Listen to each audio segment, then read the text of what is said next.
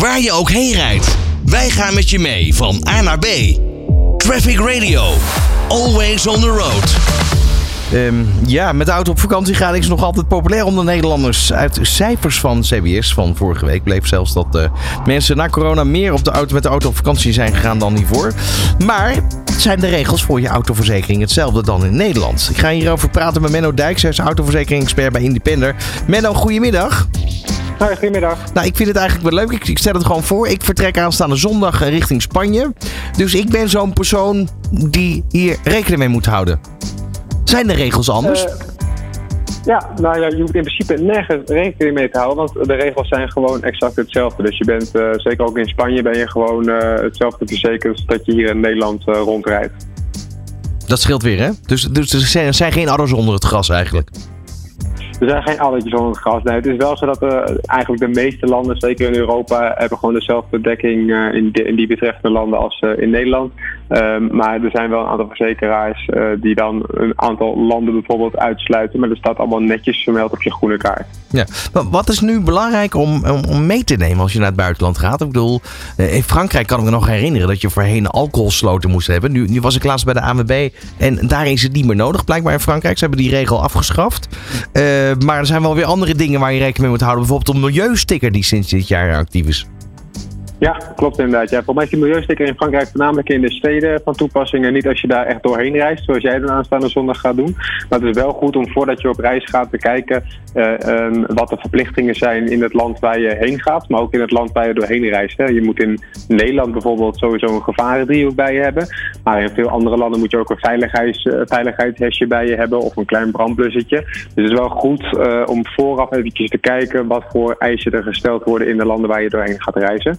En ja, voor jezelf is het altijd handig om sowieso je autopapieren mee te nemen. Uh, ook bankpasjes voor tolwegen natuurlijk. Uh, rijbewijs niet te vergeten. Um, maar uh, vooral verstandig om eventjes van tevoren te kijken wat je verplicht in de auto mee moet nemen. Ja, ik heb inmiddels een tolbadge in huis.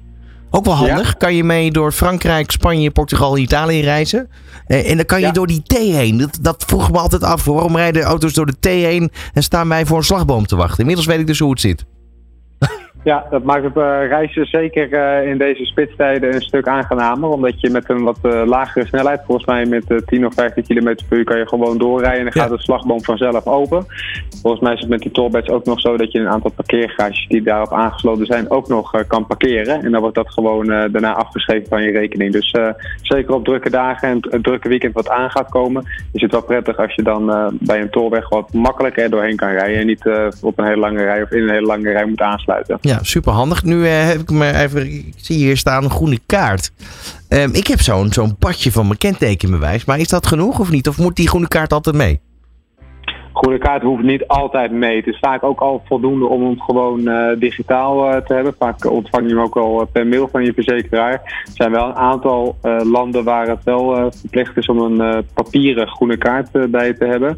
En dat staat ook vaak op de groene kaart zelf vermeld. Dus er staat een rubriek met dekkingsgebied. En dan zie je precies bij welke landen het verplicht is om je groene kaart mee te nemen. Maar als je een beetje rondom Duitsland, Frankrijk, Italië, Spanje, Oostenrijk, dat hoef je hem allemaal niet fysiek bij je te hebben. Dan is een digitale versie uh, volstaat ook gewoon. Het gaat toch een beetje mee met de regels eigenlijk waar Nederland zich ook achter schaart, uh, als het ware. Toch de Europese norm.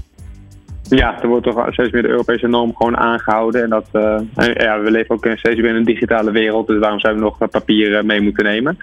Um, dus uh, dat wordt steeds makkelijker inderdaad. Ja, dan een andere categorie heb ik echt totaal geen verstand van. Jij wellicht wel. Uh, caravans en campers. Zijn, zijn daar andere verzekeringen dan, dan voor de auto? Ja, dat zijn zeker andere verzekeringen. Uh, een caravanverzekering is op zichzelf niet verplicht. Want als jij met de caravan op vakantie gaat, dan is de WA-verzekering van je auto dekt ook eventuele schade die je met de caravan aanbrengt aan andere medeweggebruikers. Uh, maar schade aan je caravan zelf, dat zou je wel separaat nog kunnen verzekeren. Dus bijvoorbeeld wanneer er een, diefstal plaatsvindt of wanneer uh, uh, schade aan je caravan plaatsvindt, dan kan je die wel apart nog verzekeren, maar dat is geen verplichte verzekering. En bij een camper ligt dat net wat anders, want een camper is eigenlijk net als een auto, alleen neem je eventjes net wat meer mee. daar is het wel gewoon verplicht om minimaal een WA-dekking af te sluiten, net zoals dat je dat voor je personenauto ook zou doen. Dus daar liggen de regeltjes net eventjes anders. Ja, zijn er nog tips voor mensen die bijvoorbeeld een camper huren? nou, zeker.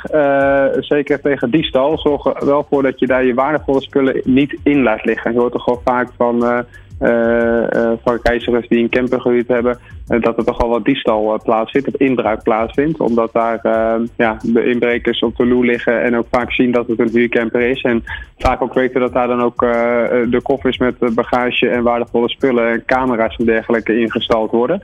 Dus zorg ervoor dat als je hem ergens parkeert, of dat er iemand bij blijft, of dat je in ieder geval de waardevolle spullen eruit haalt. Um, want ja, zo'n caravan is camper is natuurlijk redelijk makkelijk open te maken.